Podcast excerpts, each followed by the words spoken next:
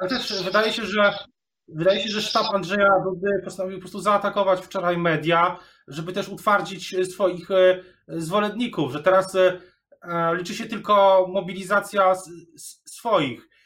I, i w, tym, w tym kontekście, czy, czy myśli Pan, że jest mobilizacja po stronie Platformy, czy, czy, czy widzi Pan tą mobilizację na przykład we Wrocławiu?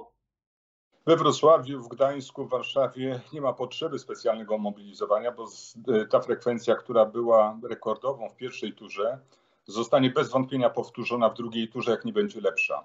Natomiast e, widzę wyraźnie, że sztab e, Andrzeja Dudy rzeczywiście, jak pan powiedział, atakuje wszystko, co jest nie tyle obce, ale nie jest związane z samą osobą urzędującego prezydenta.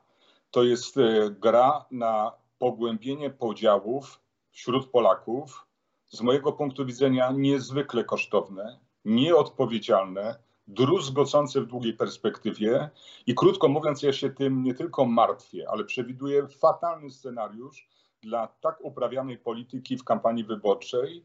Przypomnę jeszcze, Rafał Trzaskowski ma połowę mniej pieniędzy, połowę mniej czasu na prowadzenie kampanii, nie ma tych dwóch miliardów na media publiczne, jakie dostały media publiczne e, od prezydenta. W związku z tym ta gra i tak jest e, zdecydowanie nierówna, więc nie tyle ukłon, ale wyrażenie zgody na szanowanie praw demokracji, wzięcie udziału w debacie organizowanej przez Wirtualną Polskę, ONET, TVN, TVN24, to jakieś absolutne minimum przyzwoitości i tego nawet zabrakło prezydentowi. Dla mnie jest to absolutnie druzgocące. Pamiętam, jak rozmawialiśmy kilka ładnych tygodni temu, e, co prawda nie w tym studiu, ale rozmawialiśmy o tym, jakimi kandydatami mogą być Rafał Trzaskowski i Radosław Sikorski. Zastanawialiśmy się, e, rozmawiając z Panem o tym, do kogo mogą trafić e, ich kandydatury. Platforma zdecydowała, zarząd Platformy wtedy, tuż po naszej rozmowie, zdecydował, że kandydatem jest Rafał Trzaskowski. Czy Pana coś zaskoczyło w tej w tej, w tej kampanii? Czy, czy Pana zdaniem Trzaskowski, mm, jak to się ładnie mówi, przeskoczył już siebie? Nie, nie przeskoczył siebie, ale przeskoczył platformę, co jest bardzo ważne. Pozyskał także elektoraty, które są poza platformą.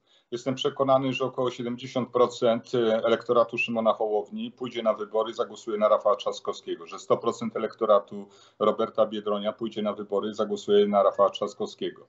Połowa elektoratu, skromnego elektoratu, ale podobnie jak e, u Roberta Biedronia, także Władysława Kośniaka-Kamysza. Do tej ostatniej osoby odniosę się z jedną ważną sympatią. E, Władek Kośniak-Kamysz nie powinien aż e, nadto brać do siebie e, nie najlepszego rezultatu. Ja widziałem, jaką robotę wykonał w ostatnim roku i wydaje mi się, że ten jego wynik jest przede wszystkim efektem zmiany kandydata po stronie Platformy Obywatelskiej. On po prostu w tych wyborach, które nie należą do PSL-owskich, prezydenckie, stracił na moment według mnie elektorat miejski na rzecz Rafała Trzaskowskiego. To jest elektorat w granicach 3-4% i z tego powodu taki spadek notowań. Ale generalnie rzecz biorąc uważam, że Polskie Stronnictwo Ludowe, mające sympatyków w dużych miastach, odda swój głos na Rafała Trzaskowskiego. Wieś niestety w znacznym stopniu jest utracona na rzecz PiSu, trudna do odzyskania, ale i tam są e, sympatycy E, krótko mówiąc, e, albo przeciwnicy Andrzeja Dudy i według mojej oceny ten rezultat będzie w finale e, bardzo niewiele różnił się. Mówię o wyniku Rafała Trzaskowskiego i Andrzeja Dudy. A czy myśli pan, że Rafał Trzaskowski powinien zabiegać o poparcie mm, o poparcie Kosiniaka-Kamysza? Czy Kosiniak-Kamysz powinien go teraz poprzeć? Bo z tych informacji nieoficjalnych E, wynika, że, e, że tak e, nie będzie. Według mnie Rafał Trzaskowski nie musi zabiegać na przykład o elektorat Roberta Biedronia, bo on albo nie pójdzie na wybory, albo jak pójdzie, to na pewno nie zagłosuje na Andrzeja Dudę. E, ja bym, jeżeli miałbym doradzać w chwili obecnej, to przede wszystkim odwiedzenie tych miejscowości, gdzie znakomity wynik, powyżej 10, 11, 12% uzyskał Szymon Hołownia, aby przekonać ten elektorat, który powstał jako alternatywa dla Platformy Obywatelskiej jesienią ubiegłego roku, wtedy, kiedy Platformą rządził Grzegorz Schetyna. Sytuacja się mocno zmieniła, w związku z tym łatwiej jest elektoratowi Szymona Hołowni poprzeć Rafała Trzaskowskiego, zwłaszcza, że to w długiej perspektywie będzie mu służyło. Podobnie Polskie Stronnictwo Ludowe, choć tu jest trudniej. Trzeba pamiętać, że PSL walczy przede wszystkim na wsi z PiSem, a nie Platformą. W związku z tym nie powinien być to wielki problem. Natomiast problemem jest zmęczenie szefa, e, który odpowiadał za kampanię, e, pewne rozgoryczenie i e, według mnie dziś kluczowe jest te 9,7% osób niezdecydowanych, którzy nie wiedzą, czy zagłosować na prezydenta Dudę, czy na, Andrzeja, czy na Rafała Trzaskowskiego.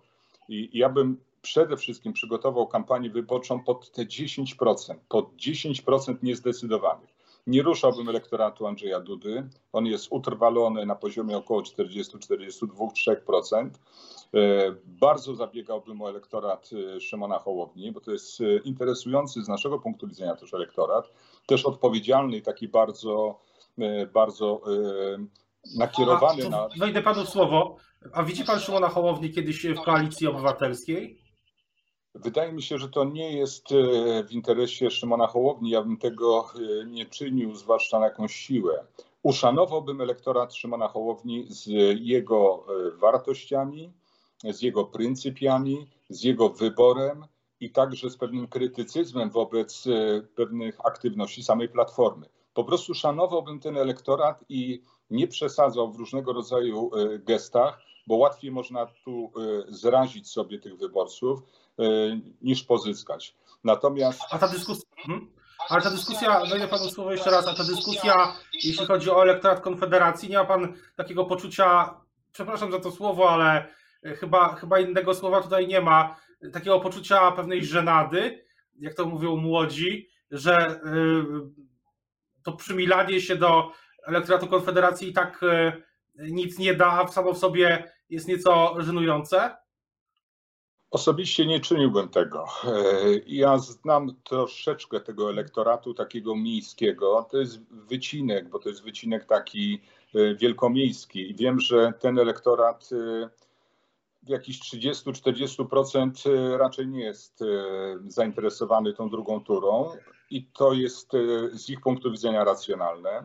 Wiem, że pewna grupa, zwłaszcza 50 plus mężczyźni, pójdą i zagłosują na prezydenta Andrzeja Dudę, Natomiast w tym młodszym elektoracie jest pewna sympatia do Rafała Trzaskowskiego z racji wieku, charakteru, też y, takiego, takiej otwartości i dużej niechęci wobec obecnie urzędującego prezydenta. Ale według mnie zabiegi o elektorat Konfederacji może być większym błędem niż brak takiego zabiegu, zwłaszcza jeżeli się to czyni y, po prostu niezręcznie. No tak jak mówiłem, czasami mam wrażenie, że że najbardziej śmieją się z tych zabiegów e, sam, sami politycy Konfederacji.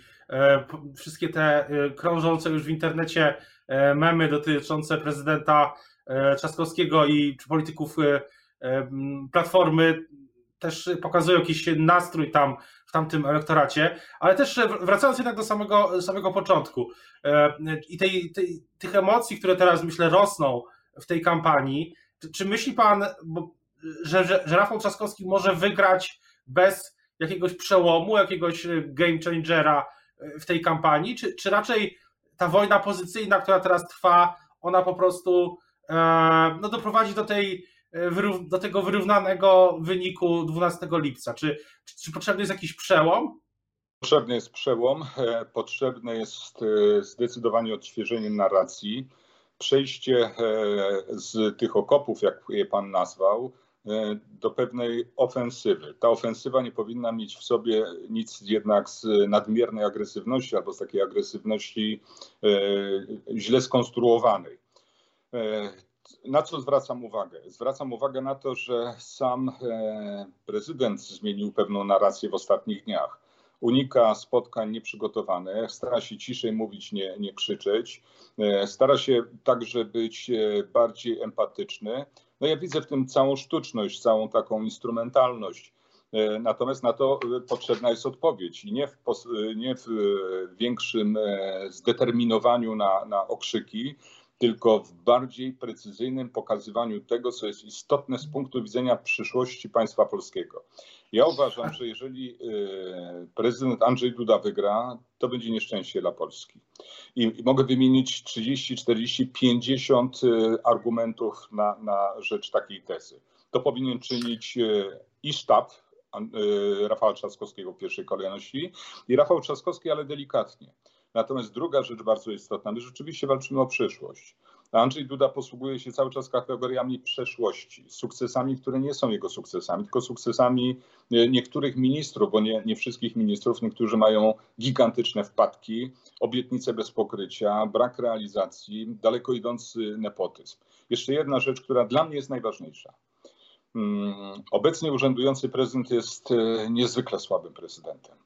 Mm, w niektórych wypadkach wypada żenująco. E, uważam, że to wszystko można pokazywać e, i też e, w sposób delikatny, bez naruszania powagi samej instytucji prezydenta.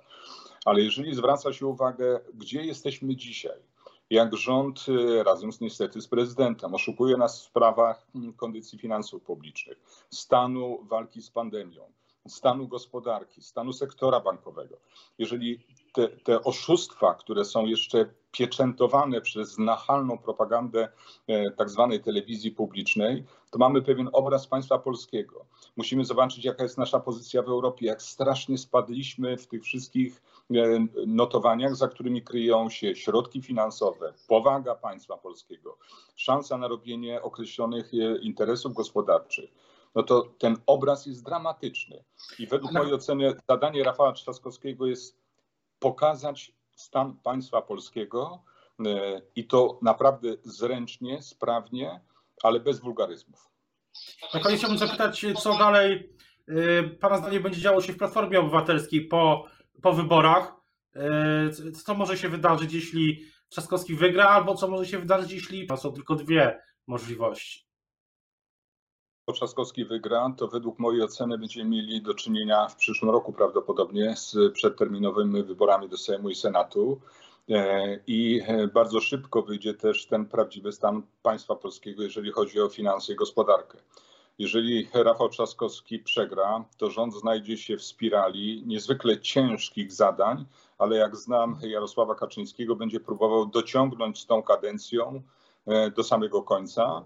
E, chyba że będzie chciał wykonać jakiś nadzwyczajny manewr na bazie sukcesu Andrzeja Dudy i też zrealizować scenariusz e, destabilizacji sytuacji politycznej, jeżeli chodzi o Sejm i Senat, odzyskać Senat, więc zbudować e, kolejną, kolejną kampanię wyborczą. Ja uważam, że wtedy przegra. Natomiast rząd, według mnie, jesienią tego roku znajdzie się w dramatycznej sytuacji. Jeżeli nie będzie miał partnera, w wszystkich grupach politycznych odpowiedzialnego recenzenta krytycznego, to będzie brnął w kłamstwach, w rozmaitych e, oszustwach. Niestety w takiej degrengoladzie, pogłębiającej się degrengoladzie państwa polskiego, będzie to bardzo smutny, dramatyczny obraz. O tym, jak będzie w te 12 dni, 11 dni, przepraszam, już będziemy mówić e, na bieżąco. Teraz e, E, i oczywiście analizować sytuację. Teraz już bardzo dziękuję za rozmowę Państwa i moim gościem był senator e, Platformy Obywatelskiej Bogdan Zdrojewski. Dziękuję bardzo i miłego e, dnia. Do usłyszenia i do zobaczenia.